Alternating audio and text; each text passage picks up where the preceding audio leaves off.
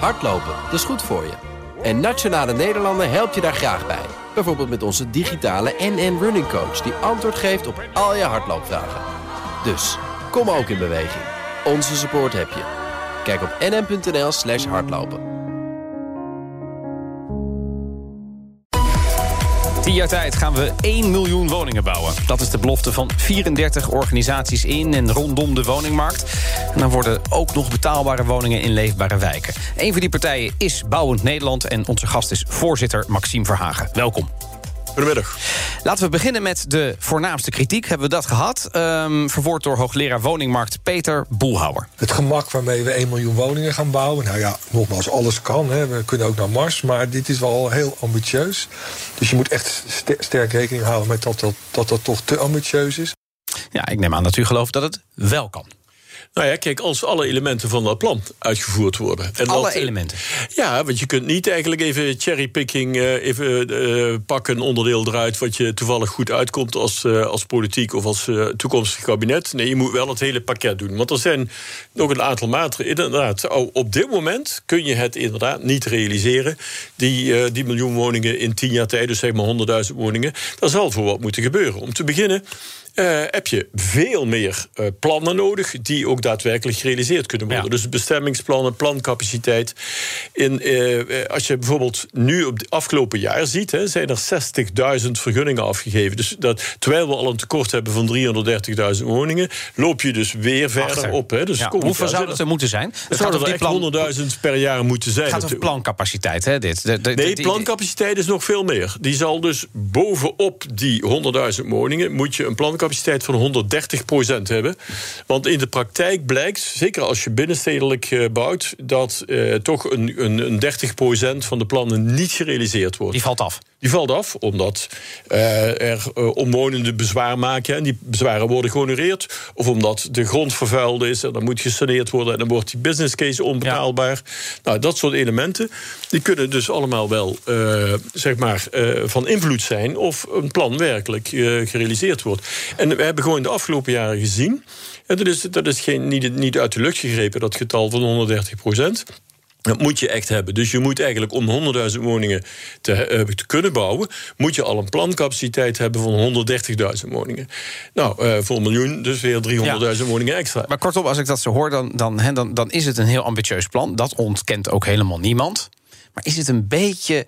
Kan het, kan het echt wel of is het. Ja, we roepen het omdat we het moeten. Maar we weten eigenlijk ook wel dat we er niet komen. Nee, we, we kunnen dat wel. Maar nogmaals, je moet om te beginnen dus die plancapaciteit op orde hebben. Ten tweede moet je uh, zorgen dat je niet meer alleen binnenstedelijk kijkt. maar ook naar de randen van de stad. Dus ook bereid bent om uh, in het groen te bouwen. Ja. Want als je alles binnenstedelijk wil doen, dat gaat niet lukken. Dus, er is wel veel kritiek op, hè, dat we in dat groenbouw... want dat is natuurlijk niet alle partijen het mee eens. Die zeggen dan, ja, daar gaan we weer. Hè, dat, dat, dat het schaarse stukje groen wat we in Nederland hebben... kunnen we geen creatievere oplossingen bedenken, zeggen die partijen. Ja, je, kunt, je kunt, uiteraard zul je ook uh, de hoogte in moeten. Uh, allemaal elementen zullen wel gebeuren moeten. Maar ook in het, uh, zeg maar, in het groen kun je heel goed natuurinclusief bouwen. Je kunt groen en, en grijs en blauw overigens ook combineren. En je moet je ook realiseren dat we ook binnenstedelijk veel meer aan klimaatadaptatie moeten doen. Dus veel meer met groen en wateropvang, eh, eh, infrastructuur die waterdoorlatend is. In die bebouwde eh, omgeving zelf in de gebouwde omgeving zelf. Dus zelfs ook als je denkt dat je minder ruimte nodig hebt, als je maar alleen maar de lucht in gaat, dat is absoluut niet waar. Binnenstedelijk zullen we dus ook veel meer ruimte moeten hebben om die woningen te kunnen realiseren. Die is er niet, dus zul je wel naar uh, de randen van de stad moeten gaan. Ja. Want anders dan blijven de mensen onder de brug. Dat kan ook niet, hè? Nu hoor ik hier al jaren eigenlijk precies dit verhaal. En de minister wil het ook, hè? Ollengren is er nu verantwoordelijk voor, valt onder Binnenlandse Zaken. Iedereen wil dit, het lukt niet. Het lukt gewoon niet. Ah, maar het is een eenhoorn. Ja, nou kijk, dat, de onderhandelen waarom het niet lukt... is omdat er te weinig landelijke regie is. De, de, de minister... Nou ja, er is stikstof, PFAS, personele problemen, ja, vergunningsproblemen. Ja, dus, zal, dus dat staat ook in dit plan. Ook dat zal moeten opgelost moeten worden. Er zal meer centrale regie moeten komen... met echt doorzettingsmacht van, uh, van de minister. Doorzettingsmacht van de minister betekent dus dat de minister... die, die nu bijvoorbeeld nog zegt op lokaal en regionaal niveau laten we nog... die moet eigenlijk veel meer kunnen afdwingen. Kunnen afdwingen. Ja, zeker, absoluut. Maar dat, dat, Dus gaat die- natuurlijk niet, dat vindt niet iedereen even prettig. Dat vindt natuurlijk. niet iedereen even prettig, maar in de grondwet staat dat de, het een zorg hoort te zijn van de landelijke overheid om te zorgen voor voldoende huisvesting. Ja. We hebben binnen, eh, binnen nu en tien jaar hebben we een miljoen huishoudens erbij. Dus we zullen wel moeten. Je zult daarnaast zul je ook coöperaties de gelegenheid moeten geven om te gaan bouwen. Ook dat staat in het plan. Schaf de verhuurdersheffing af. En in ruil daarvoor 25.000 woningen plus verduurzaming van, eh, van de coöperatiewoningen. en u moet zich wel realiseren, toen minister Ollengren begon, Ja. toen eh, eh, nam zij de erfenis over van een minister Blok. Die zei: Het land is af, er hoeft niet meer gebouwd te worden. Voor een volgende minister is niks meer te doen. Er was de, de hele huisvesting Wat, wat Van, Nee, ik, ik vind dat eh, eigenlijk eh, stuitend wat daar in die, jaren gebeurd is. Want de, de woningnood is veroorzaakt voor een groot deel door het beleid wat in eh, het kabinet Rutte 2 is gevoerd. Verhuurdersheffing is ingevoerd, hypotheekaftrek is beperkt.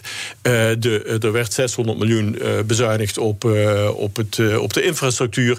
Dus eigenlijk de woningcrisis is verergerd. En dat was ook de reden waarom midden in een financiële crisis de woningbouw als geen andere sector zo ernstig getroffen is.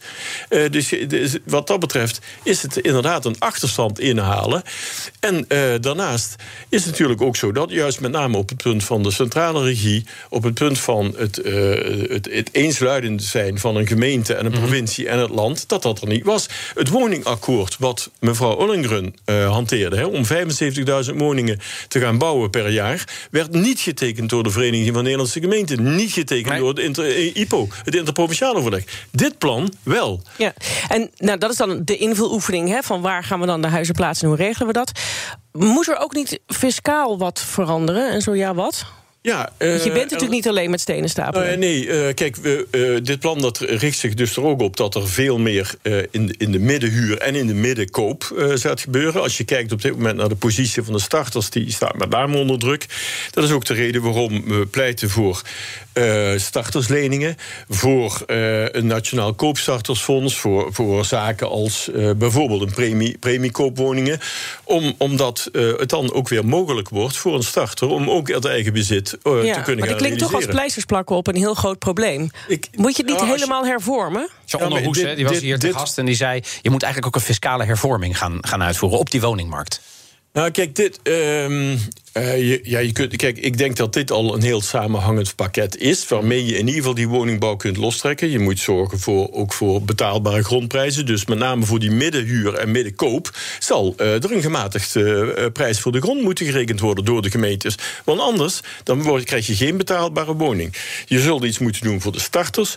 Je zult daarnaast zul je natuurlijk ook ja, kijken hoe kunnen we dat eigen woningbezit bevorderen. Ik bedoel, vroeger was dat vrij normaal. Hè? We hebben ook door zelfs een, een sociaaldemocraat als eh Arie Duivenstein. Die was een groot voorvechter van de bevordering van het eigen woningbezit. De KVP, eh, een van de voorlopers van het CDA, heeft, jaren, terug, ja. nee, heeft jarenlang gepleit voor bevordering van overwoningbezit. Hebben we een beetje losgelaten, En, en nu, ja, maar als ik dus bijvoorbeeld een, iemand als Klaas Knot hoor van de, van de Nederlandse bank, die gewoon zegt van ja, die jongeren die moeten maar, eh, moeten maar huren, die moeten niet meer kopen en we moeten dat maar dat leenvermogen beperken. Dan zeg ik van, we hebben jarenlang talloze mensen hebben geprofiteerd van het feit dat ze een woning hebben gekocht.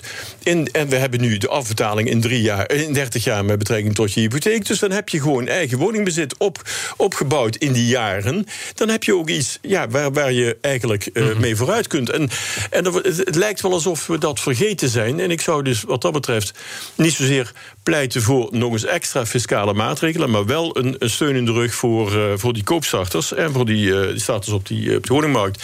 Ja. En wat we daarnaast moeten, moet absoluut moeten doen, al die woningen moeten natuurlijk wel goed bereikbaar zijn. Met de auto, Ja, met de fiets. over die infrastructuur gaan we het zo nog even hebben. Je luistert naar BNR in de middag. De gast is de voorzitter van Bouw Nederland, Maxime Verhagen. Zo meteen ook inderdaad nog even over die infrastructuur. Daar maakt u zich druk over. Maar toch nog even over dat plan. Hè. Dat, dat, dat is een plan wat heel breed gedragen is. Veel clubs hebben een handtekening eronder gezet.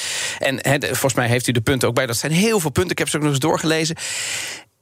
In combinatie met het feit dat u ook een doorgewinterde ervaren politicus bent. Hè. U weet hoe het in Den Haag gaat. Er komt straks een formatie aan.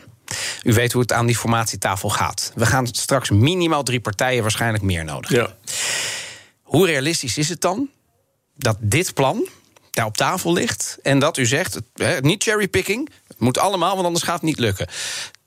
Nou, als ik hoor dat de VVD zegt bouwen, bouwen, bouwen... en dan moeten er miljoen huizen bij komen. Als ik hoor. Als ik hoor het CDA, Uw die zegt een miljoen, een, een miljoen huizen bouwen... meer landelijke regie.